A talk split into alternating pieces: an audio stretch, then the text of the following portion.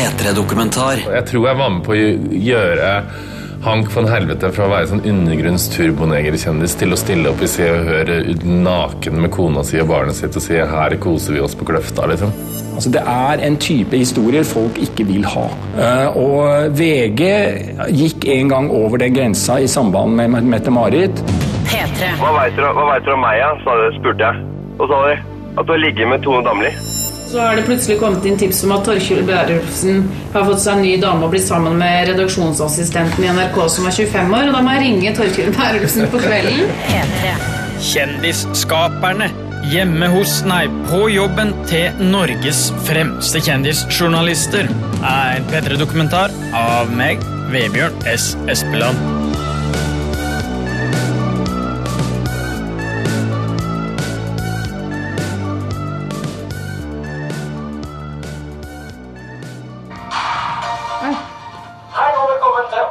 Siste panelet, der vi snakker om det som er viktig, riktig og samfunnsnyttig. Nei da, vi snakker om kjendiser. Nå ser, da ser du liksom at backdropen har blitt mye mer strekk. Burde fortsatt noe lys på den. Mer lys. Ja, jeg er helt enig. Mye mer. Med med på redaksjonsmøtet til VGTVs Panelet, hvor kjendisjournalist-kjendis Morten Hegseth diskuterer kjendisstoff med kjendiser. Jo, men sæd og hår skal, skal jo også selge blad, men jeg lurer på at selge der det ser jo ut som Kaller han det- Se og Hør for sæd og hår? Sæd og hor. Sæd og hår. Her står det jo nå Ja. På pulten til kjendisjournalist Hegseth så står det et innramma Instagram-bilde som Britney Spears har lagt ut.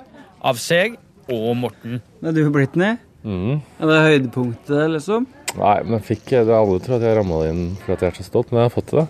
Men jeg, jeg, jeg er litt Helmet. Men jeg, jeg har alltid spekulert på hvis hun hadde etta Morten Hegseth, hvor mange følgere hadde jeg fått da? Tror jeg hadde fått 10 000. Det har du tenkt mye på. Jeg har gjort det. Irritert meg skikkelig. Ja, det tror jeg hadde vært mye, faktisk. Se, der har vi Celeste Myrhagen. Eh, Celeste. Morten og produsent Trine Saugestad Hatlen forbereder ukas sending. Jeg Ellers har jeg også veldig lyst til å gjøre et intervju med Ingebjørg Bratland.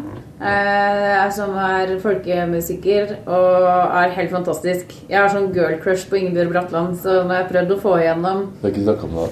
Jeg skal ikke snakke om noe annet. Eh, og nå er Morten også overbevist når han så på Spellemannsprisen, så ble han også overbevist. Og nå er vi veldig fans begge to. Er det litt sånn ny tone-ish, eller? Ja. Men det er et eller annet med at hun synger sånn folkemusikk som gjør det bare helt eksplosivt. Jeg kanskje kommer til å bli den største kjendisen i 2015. Det det er så absurd. Mens paneleduoen grubler på hvem de skal gjøre til kjendiser, så sitter det en kar på andre sida av det store kontorlandskapet og ringer iherdig. Akkurat som Morten Hegeseth, så er Markus Husby en ung trønder som er en av Norges aller fremste innenfor kjendisjournalistikk. Også han med fortid i Se og Hør. Eh, I dag så holder jeg på med en sak på en kjendisblogger som har gått inn i et samarbeid med Coop eh, om et nytt grillprodukt. eh, og har publisert et lettkledd bilde av seg sjøl for samvirkelaget. eh, der hun griller. Eh, og det er en del folk som reagerer i det kommentarfeltet, men Coop eh, Coop svarer ingen av dem i det kommentarfeltet, så jeg tror det er en litt sånn feilslått sosial mediestrategi. Jeg lurte på hvorfor jeg har fått den opp, og så trykka jeg på en knapp på Facebook, og da så jeg at Coop hadde de hadde reklamert for den pga. at jeg er en mann mellom 25 og 50. Jeg har fått noen kommentarer fra noen politikere, og så får vi gi et tilsvar til, til Coop, da. Mm. Bloggerne. Ja, og hun skal jeg ringe òg. Mm. Det er Tone Damlis gode venninne Hedda Skaug. Ok. Blid og uvitende om alt det her, så sitter den relativt ferske kjendisen Einar Tørnquist og nyter en kopp kaffe langs Akerselva. Jeg anbefaler alle å bli kjendis. Selv om, det, selv om det kanskje er noen dager hvor det trøkker litt, så er det bare én i året omtrent. De resterende 364 er en dans på røde roser. Gratis klær og inngang. overalt. Gratis klær, gratis inngang overalt. Og ja, det er akkurat, eh, akkurat så gøy som man skulle håpe det var. Vi kjøpte leilighet i fjor. Eh, men altså, vi kjøpte, vant budrunden, og så er det jo sånn at det var en Obos-leilighet, så vi måtte få avklart sånn forkjøpsrett og sånn. Men lenge før den eh, forkjøpsretten ble avklart, så kom altså Det var dagen etter, eller det var samme dag som vi vant budrunden, tror jeg, så kom en telefon, ikke til meg, men til, til Linn, da, fra Se og Hør. Eh, som allerede da visste at vi hadde kjøpt leilighet. Dette her var ikke delt eh, egentlig i det hele tatt. Vi, vi har ikke sagt til venner, vi var ikke på Facebook med det eller noen ting, for vi avventa jo forkjøpsretten. Men da visste de det. Da visste de at vi hadde kjøpt leilighet. De visste mye vi hadde kjøpt den for, og de skulle, sa de skulle lage en sak uansett. Og da prøvde på den, på den måten å få Linn til å uttale seg. Men hun sa jo bare at hun ikke ville, og det ble jo ikke noe sak. For et par uker siden så kjøpte Tørnquist-kollega Morten Ramm seg hus. Dagen etter så ringte Se og Hør, lenge før det var tinglyst og offisielt. Og sjøl om Morten Ramm ikke svarte, så ble hele familien bretta ut under overskrifta 'Endelig i hus med familien', med alle detaljer om handelen. Hva skal jeg si? Det er eh, alltid, alltid eh, flaut når det er eh, private ting som skal ut til folkemengden. det var ikke du som hadde tipsa? Nei, men uh, man skulle nesten fader meg begynt å så uh, gjøre det, for det dukker jo opp uansett. Ta tipspenger sjøl. ja, ja, Gi det til mormor eller oldemor. Ja, er min minstepensjonist. Kan få det. Åssen veit Se og Hør det der? Det er et godt spørsmål, men Se og Hør uh, har jo helt åpenbart en eh, Altså et perisk... peris... Hva heter det for et lite sånt eh, Kikkehull. kikkehull inn et eller annet sted, antageligvis hos Obos, da, eller? Eller du har en utro tjener i eiendomsmeglerbransjen, eller Jeg veit ikke åssen de gjør det. Jeg, det, kan, det blir bare spekulasjoner, som jeg pleier å si. For det, hadde, det visste ikke mora mi, at jeg hadde kjøpt leilighet, men det visste Se og Hør. Pressa har jo mange kontakter overalt. Det er jo journalistenes viktigste kapital. Det er jo å ha kilder. Folk som vet noe, folk som er innafor.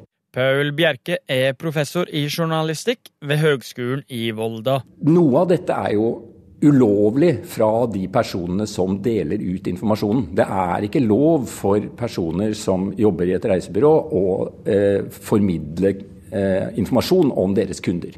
I Danmark hadde det vært en svær sak med den danske varianten av Se og Hør, som hadde fått tilgang på ganske mye ulovlig eh, informasjon. Vi har ikke hatt noe lignende i Norge. Det som var nærmest, var, var Melnes-saka. Eh, Håvard Melnes jobbet eh, i Se og Hør. Han brøt med bladet og skrev en bok som heter 'En helt vanlig dag på jobben'. Eh, særlig mye oppstyr ble det om behandlingen av eh, Mette-Marits eh, far. Men det andre viktige spørsmålet som kom fram, var betalingsjournalistikk. Skal man akseptere at journalister betaler intervjuobjekter for å stå fram med en historie? Ari Behn har fortalt at han og Märtha reiste rundt med kofferten full av kontanter på bryllupsreisa si, fordi de var sikre på at Se og Hør hadde folk som overvåka bankkortbruken deres. Og rundt i verden så tenkte folk at prinsesseparet var et par på rømmen. Se og Hør og redaktør Ellen Arnstad vil ikke svare på spørsmål fra P3 Dokumentar. Sa at jeg var den nye Håvard Melnes. De sa det? De kalte det det? Jeg husker 730 skrev det. Den nye Håvard Melnes. Tenkte jeg, jøss. Skjedde noe med arbeidsmetoder og etikk og sånt etter den boka, eller? Jeg tror, nei, ja. Men jeg, når det skal sies, så var jeg aldri med på det der skitne arbeidsmetodene. Jeg har aldri bestikket en alkoholiker. Jeg har aldri gitt penger til noen som ikke Altså, jeg har aldri, jeg har aldri trådt over en etisk sånn grense. Det var jeg ikke med på. Det nekta jeg å være med på. Eh, Men jeg tror jo kanskje du følte at det ble Jeg vet ikke om det var fordi at de ikke hadde noen som var så flink som Håvard Melnes, at de ikke fortsatte i det sporet, eller fordi at de hadde skjerpet seg. Det er jeg ikke sikker på. Men jeg tror det gjorde de om mulig enda mer paranoide. At det ble en veldig sånn der oss mot verden-tankegang. At de satt inne der og var litt sånn der eh, så for seg at absolutt alle hadde en mening om hva de gjorde. og ha, så hadde den saken her, Nå er det vel oppstyr i Akersgata. Ha-ha-ha. Ja, nå får vi kritikk. Men det man ikke visste, var at egentlig ingen brydde seg. Det var bare Laila fra Toten som koste seg mens jeg hørte kaffen, liksom. Men i fjor så var det en sånn kjempeskandale i Danmark med at uh, politifolk var bestikket, og sykehusansatte tipsa når kjendiser fikk unger. Ja. Flyansatte tipsa når kjendiser var ute og fløy. Kredittkortselskap tipsa om pengebruken Ja, til kongelige. I åssen grad tror du sånt foregår i Norge? Jeg tror ikke det gjør det, for å være helt ærlig. Jeg, nei, jeg tror ikke det. I hvert fall ikke med Ellen Arnstad som redaktør der, for hun er ganske ansvarlig. Jeg tror det har vært mye mørkemenn i de redaktørstolene der eh, før. Eh, blant annet da jeg jobba der, så var det jo en som kjørte ganske hardt på, men ikke nå. Ha, har du hatt uh, insidere på flyplassen, du? Nei. Aldri? Nei. Sånn da jeg gikk på journalistikk på Høgskolen i Volda, så var det ingen som en gang snakka om at de ville jobbe i VG, for det var så politisk ukorrekt, og de skulle ut og redde verden. Åssen var innstillinga di til Hvorfor ble du kjendisjournalist? Eh, nei, jeg tror nok det ene tok det andre. Uh, jeg starta i Trønderavisa som 15-åring. Uh, og så fikk jeg et sommervikariat i Se og Hør, og så ble det VG etter hvert. Nei, det er vel litt sånn eh, Jeg har bestandig syntes at kjendiser har vært morsomt, men det, er jo, det er jo på en måte dem de har jo stor, stor påvirkningskraft, og folk snakker om dem. Det er dem og folk er engasjert i og opptatt av, selv om de kanskje ikke vil innrømme det sjøl. Eh, og så er det liksom om å lage til gode kjendissaker med substans, da. Og det liksom, føler jeg kanskje det har begynt litt mer med de siste årene enn kanskje gjorde før, da. Uh, du kan jo si det, men samtidig er jo den, den, den kjendissaken som uh, fortsatt er den mest leste i, og den saken som er mest lest i VGs historie, det er fortsatt at Tone og Aksel gikk fra hverandre. Eh, så den, den rekorden er jo fortsatt ikke slått. Var det din, eller? Ja, det var min sak. Mm. Hvor mange har lest den, da? Jeg tror det var nesten eh, Det var over 1,3 millioner på en dag. Vanligvis så ligger det ei god VG-sak på rundt 200 000 treff. Jeg, jeg tror ikke jeg kommer til å skrive en sak som kommer til å ha flere lesere enn det. Du har toppa? Pika? På, jeg, jeg tror jeg kan skrive Jeg kommer til å skrive større saker enn det, men jeg tror ikke noe, at noen kommer til å flere å lese enn eh, de leser Tone Aksel sin bruddsak. Men det her var i, det var i februar 2013, det husker jeg, for jeg var i, i India, Hvor- India da. Hvor var du da, Tone Vebjørn, jeg veit ikke om eh, det, nyheten har eh, nådd helt til India enda, men eh, Norge er jo i sjokk. Hvordan reagerer folk i India på denne nyheten? Det er liksom ikke sorgtilstander på gaten her. Uh, what do you think about that Aksel Hennie and Tone Damli Aaberge has broken up no more together? Mumbai. Mumbai, yes! Hans eneste kommentar var altså Mumbai. Åssen gikk du fram da? Du sier at du ikke trykker rykter. Nei, jeg trykker aldri rykter. Jeg, trykker, jeg, trykker, eller jeg skriver kun nyheter og trykker kun nyheter. Eh, og det er egentlig det jeg kan si om den saken. Men du ringte en av de og fikk det bekrefta? Eh, det kan jeg ikke kommentere. Men et eller annet fikk du bekrefta? Nei, jeg kan ikke kommentere det. Nei, nei, fair, fair. Nå er jeg ikke veldig komfortabel. Eh, Nå skal jeg prøve meg litt som kjendisjournalist. Eh, Jeg skal ringe Aksel Hennie og få han til å avkrefte eller bekrefte noen voldsomme kjendisrykter. Jeg hørte om han for ei ukes tid siden. Det føles jo litt som eh, å grafse i ting jeg ikke har noen ting med. Så jeg må bare prøve å legitimere for meg sjøl at det her eh, Dette fortjener Norge å høre om.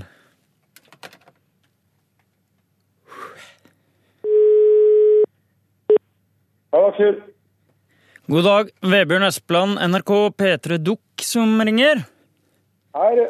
Hei, du. Du, jeg har et eh, kjapt eh, spørsmål her. Um, litt eh, ubehagelig også for min del, men eh, mine kontaktekilder har eh, fortalt at du driver og smasker med en av verdens største popstjerner. Hva kan du si om det? Ja, Er det her for en telefon? Veldig rar en. Nei, Det er ikke noe du har lyst til å kommentere? ikke på noe som helst måte. Kun tenke meg det. Så jævla flink til det du gjør. At det er en eh, jævla kål i telefonen. Fin, eh, fin dag. Ha det bra, da. Ha det bra. Hei.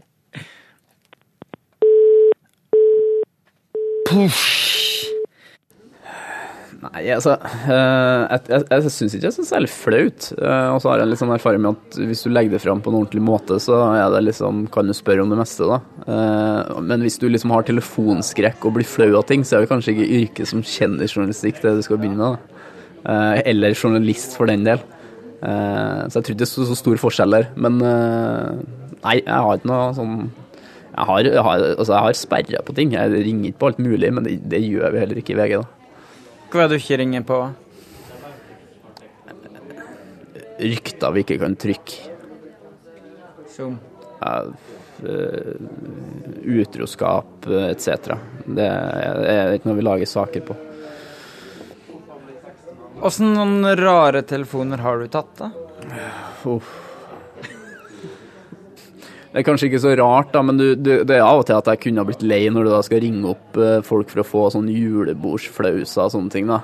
Det er jo ikke de sakene jeg er mest glad i å lage til, men da må du jo ringe liksom, kanskje 20 stykker for å få to svar. da. Det det er liksom ikke noe telefon jeg syns er noe morsom å ta. Hva er forskjellen på å jobbe her og i Se og Hør? du, den er ganske stor. Uh, herregud, det er, det er ikke så lenge siden. Det er mange år siden. Uh, det er vel egentlig alt. Det å jobbe i Hør er vel mer som å jobbe i et Jeg var heldigvis veldig ung. Jeg lærte mye av å jobbe der, men jeg var der i to år eller sånn. 20 år. Uh, visste jo ikke så veldig mye om hvordan ting fungerte. Og det var jo både en fordel og en ulempe. Fordel fordi at man var liksom helt skruppelløs.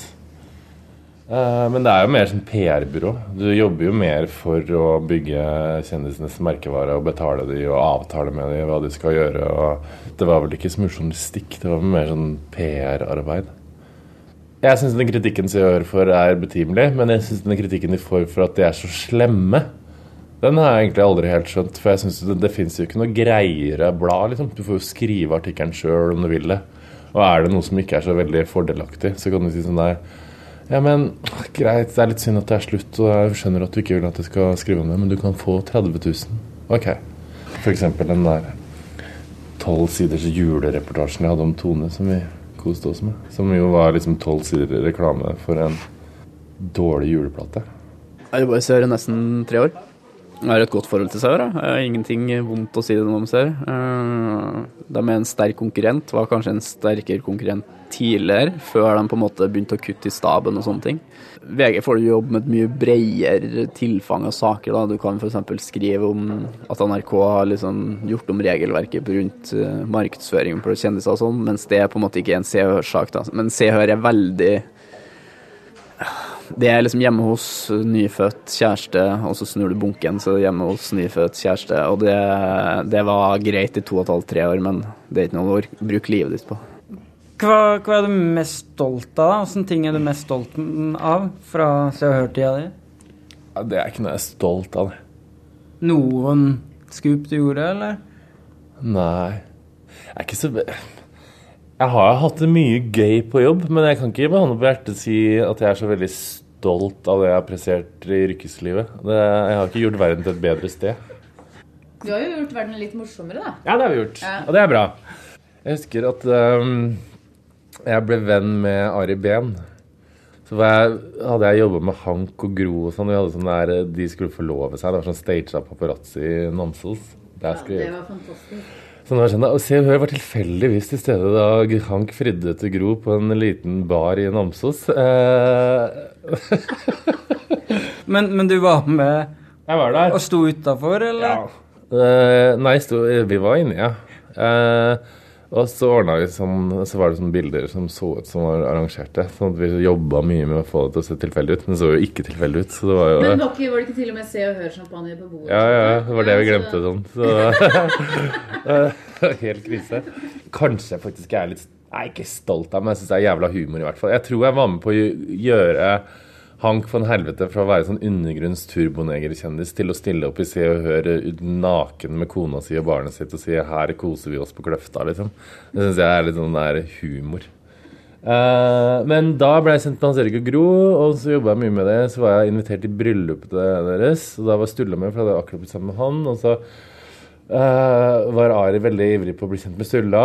og så arrangerte jeg et middagsselskap, fordi uh, så var vi på Grand Hotell, og da betalte Og da, og da var det var veldig stas når jeg jobba i Se og Hør, fordi sjefen at noen der hadde kontakt med Ari.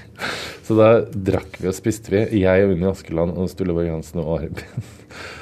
Og jeg leverte regning dagen etterpå på 12 000 kroner, og de bare Ja, ja, det skal du få. Eh, etter at denne boka kom, så ble det satt ned et utvalg i pressekretser. Eh, man vurderte om man skulle innføre en bestemmelse i eh, pressens etiske regelverk om at det er ulovlig, altså i strid med presseetikken, å betale kilder.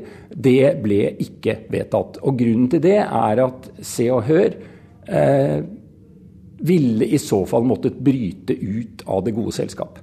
Men det er i strid med presseetikken å betale intervjuobjekter Eller bruke det til å lokke fram uheldige sider. Altså å gå til, få folk til å fortelle om ting som de ellers ikke ville fortalt om, f.eks. I 2010 så ble Se og Hør felt i PFU for å ha lokka norske Tora Uppstrøm Berg til å fortelle om si natt med prinsesse Madeleines daværende forlovede Jonas Bergstrøm. Hun skal ha fått 12 500 kroner for historia, og skjønte neppe dimensjonene av denne internasjonale nyhetsbomba. Så en annen ting jeg lurer på, Hvor går grensa til sladrebladene i Norge? Det verserer f.eks. en del historier om at de har masse greier på Mette-Marit som de ikke publiserer. Hvorfor publiserer de ikke det? Eh, det er to grunner til at kjendispressa setter grenser for seg sjøl. Det ene er at de, folk vil ikke ha det. Altså, det er en type historier folk ikke vil ha. Uh, og VG gikk en gang over den grensa i samband med Mette-Marit.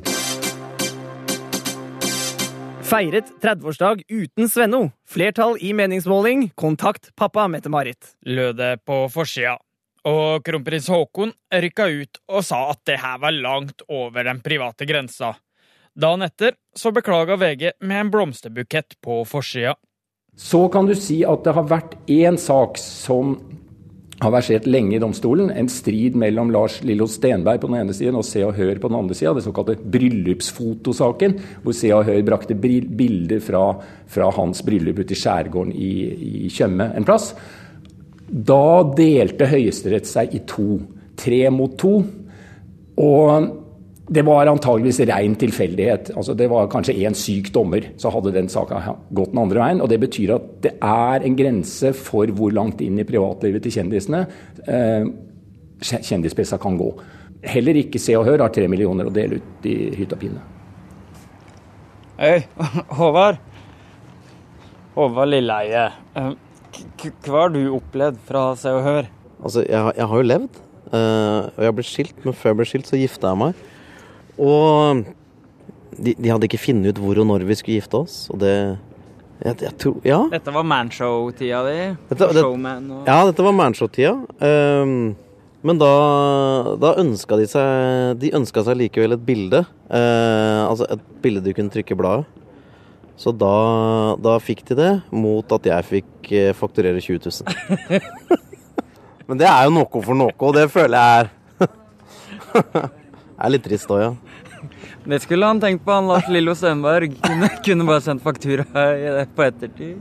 Ja, er, jeg tror han er litt mer prinsipiell og litt mindre pragmatisk enn meg. jeg har hørt at det var en kjendis, tidligere programleder, som tipsa om at han skulle ha tvillinger for å få tipspenger, og så var det bare ljug. Så tipset han om uh, abort senere. Enn noe i den historien, eller? Ja, jeg har hørt den historien, da. Nei, jeg veit ikke. Jeg har bare hørt det, jeg òg. Mm. Kunne sånn skje? Ja, det kan jo, det kan jo skje. Altså, man, altså, særlig sånne ting. Eh, Lene Alexandra lurte meg en gang. Eh, var aktuell med ny singel og fortalte over to sider i VG at hun var bifil og hadde jentekjæreste. Og hvordan skal jeg liksom dobbeltsjekke om det stemmer? Så fikk jo de to sidene om at hun hadde, var bifil og hadde jentekjæreste.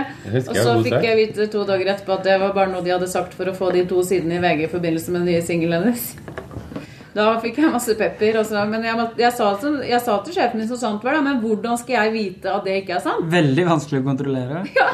Så viste det seg vel å være sant, da. Nå, nå skal det jo florere noen uh, Snapchat-bilder, veldig lettkledd av uh, noen i kongefamilien. Tror du britisk presse hadde trykt det der? Sånn sladderpresse? Ja, de har jo gjort det. Eh, Det var eh, en svær sak om toppløsbilder av medlemmer av den engelske kongefamilien som eh, den britiske pressa brukte, eh, og som eh, kongefamilien reagerte voldsomt på, men som de ikke kunne gjøre noe med. Som paparazzi-bilder på stranda? Ja. Hva hadde skjedd da dersom eh, Se og Hør eller Her og Nå hadde trykka disse bildene som verserer rundt? Da hadde Det hadde folket ikke likt. Det hadde blitt eh, opprør, fordi at den norske befolkningen aksepterer ikke den typen behandling av eh, kongefamilien. Nå ser det ut som Markus er ferdig med telefonene sine. Vi fikk ikke lov til å være med på det, av eh, kanskje naturlige årsaker. Men åssen har det gått nå? Nå har du sittet og ringt en del til Coop og hun bloggevenninna til Tone Damli. Ja, nei eh, Coop eh, skulle ringe tilbake igjen, men det ser ut som de fjerna annonsen. da. Det hadde jo kommet ganske mange klager under den Facebook-posten eh, som de ikke hadde sett. og de eh, sier På det at de ville nå menn 25 Ja, det, 50? det, visste, det var ikke de klar over. Så det var noe reklamebyrået deres hadde gjort uten at de visste om det, da, sier dem. da. Hun pressa meg og sa at ja, hvis det stemmer, så sa jeg at ja, men det stemmer, så jeg sendte over den screenshoten av fra Facebook da, om at de skulle nå mellom 25 og 50. Ja, Da ble det litt mer stille fra den andre kanten. Hva sa bloggvenninna? Nei, hun var Hun syntes det var litt sånn Jeg tror hun var litt oppgitt over at det var en sak. Og så spurte jeg om hvorfor hun trodde at Coop eh, skulle nå menn mellom 25 og 50 på den, og så sa jeg ja, det er jo for at hun viser rumpa i det bildet. Så ja. Kjendiser har jo blitt tatt mer kontroll over eh, privatlivet sitt sjøl. Altså, hvis du følger Stian Blipp på Snapchat eller Instagram nå, så vet du hvordan leiligheten ser ut. Du ser bilder av kjæresten på 17. mai. Du får være med på festen han har med TV, andre TV 2-kjendiser. Og da er det ikke så gjevt å, å vente på tirsdagens Se og Hør for å se private bilder fra en fest, når du på en måte har det på mobilen din med en gang. Eh, så da er det jo mer det at eh, Da vil jeg jo si at god og kritisk kjendisjournalistikk blir viktigere og viktigere. Da. For at eh, kjendiser vil fremstille seg sjøl i et veldig glansbilde på Instagram og sosiale medier, eller på blogger. Så får vi avdekke hvor de får pengene sine fra, og hvilke samarbeidspartnere og kommersielle aktører de reklamerer for. Både skjult og ikke skjult. Det viktigste forskjellen på norsk og internasjonal kjendisjournalistikk har vært at den norske er sann, i den forstand at når den norske kjendispressa sier at de og de har brutt med hverandre, så har de det. Det vet man aldri i utlandet. Og spørsmålet er jo Litt sånn Tyskland og Mette-Marit er gravid og fake bilder og sånn? Ja. eh, De mest ekstreme variantene av dette er jo, er jo sånn amerikanske supermarkedstabloider, som de heter. altså Som inneholder reportasjer om menn fra Mars. Men du har jo hele den glidende overgangen her, hvor Mette-Marit i tysk presse er et eksempel, og hvor engelsk kjendispresses hersing med og løgnaktig omtale av enhver som kan omtales som kjendis. Salget av Se og Hør og tabloidene VG og Dagbladet har stupt aller mest de siste åra, ifølge professor Bjerke. Han frykter dermed at kjendispressa skal bli mer spekulativ for å tjene klikkroner framover. Altså, sviktende inntekter, kommersielt press, er en farlig cocktail. Mens tidligere ansatte i Se og Hør som P3 Dokumentar har vært i kontakt med, sier at journalistene der nå er mest bekymra for å miste jobben sin, i tillegg til at de stort sett bare klipper og limer sammen saker fra sosiale medier. Nei, nå kjenner ikke jeg den saken, da, så kan jeg prate litt kanskje, jeg kan, Det her er bare spekulasjoner. Eh, Det kan være eh, så enkelt som at noen har vært i en budrunde med Einar Tørnquist og lurer på hvem som vant budrunden og spør megler, og så får de høre det, og så tipser de eh, seer. Eller så kan det være at noen var på den visninga, så Einar Tørnquist, og at eventuelt at megler tar kontakt. da. Jeg vet ikke. De har informanter i alle, i alle ledd, eh, så jeg regner med at det er bare Det er, det er så mange som eh, er interessert i å få et par, par løk for å, for å slenge ut noe sladder om eh, profilerte personer. Så det var jo bare Og jeg var offer igjen, da. Du visste jo når noen var singel, og du visste hvem de data, og visste hvor de spiste, og noen tipsa sånn Det var jo sånn sjuketips sånn Hei, jeg vil bare ringe og tipse og si at Linni Meister handler nå fiskegrateng på bunnpris i, på Majorstua. Ja, takk for tipset, men eh, det er ikke en sak. Så det var mye tips. Men det er jo ikke rart, for du får jævlig godt betalt. Jeg tror Det er jo sånn der, det er, det er jo åpne på det, tror jeg. Og folk elsker jo å sladre, herregud. Så det er jo, hvis du får sladre på penger, så er det stas. Eh, En ting som er artig å så Jeg hørte om en eh, journalist i hva skal jeg si, i den fargerike pressen. Så hørte jeg Ja, vi veit jo alt, sa eh, den personen. Altså, jeg veit alt ja, om kjendiser og hva som skjer, og vi får tips hele tida. Hva veit dere om meg, ja? sa spurte jeg. Og sa de at du har ligget med Tone Damli. Stemmer det? Nei, det stemmer ikke, og det er veldig artig, for de sitter med masse tips, og de sitter jo med tips som er, eh, er feil, da, for det, det vet jo jeg at det ikke har skjedd. Hvis noen er født, for det er sånn som man liksom får opp i eh, sosiale medier, man får det opp i Facebook, så ser man, å ja, har den fått barn, tipser om det. Men det, når det jeg skal si, like, blir ikke veldig kaldt fordi jeg tipser om at noen er død, eller da. Det Nei, nei. er ofte tipsinga. Hvis noen Ja. kjendiser ligger på sykehus, så veit nesten VG før familien at den som ligger der, er død. Sier du det? Ja. Det er jo mange som er misunnelige på Ja. kjendiser, og da kanskje blir litt bitre og syns Ja. ikke at de har fortjent den kjendisstatusen. Og da hvis du har gått på ungdomsskolen med de eller noe sånt, og kanskje bor i nærheten, da vil du kanskje tipse for å på et eller annet vis liksom skade eh, kjendisen litt. Om type utroskap, da, eller? Eh, ja, jeg har sittet på kveldsdesken i VG og jobba nyhetsjournalistikk, og så har det plutselig kommet inn tips om at Torkjul Bærulfsen har fått seg en ny dame og blitt sammen med redaksjonsassistenten i NRK som er 25 år, og da må jeg ringe Torkjul Bærulfsen på kvelden.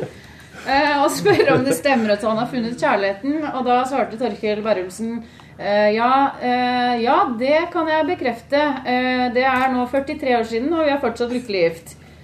Eh, sånn at er det mange som tipser bare om tull òg, da. Det var en veldig klein telefon å ta. Og jeg husker ikke om det var 43 år, men var, han var i hvert fall ja, Han var ikke sammen med en 25 år gammel oss i hvert fall.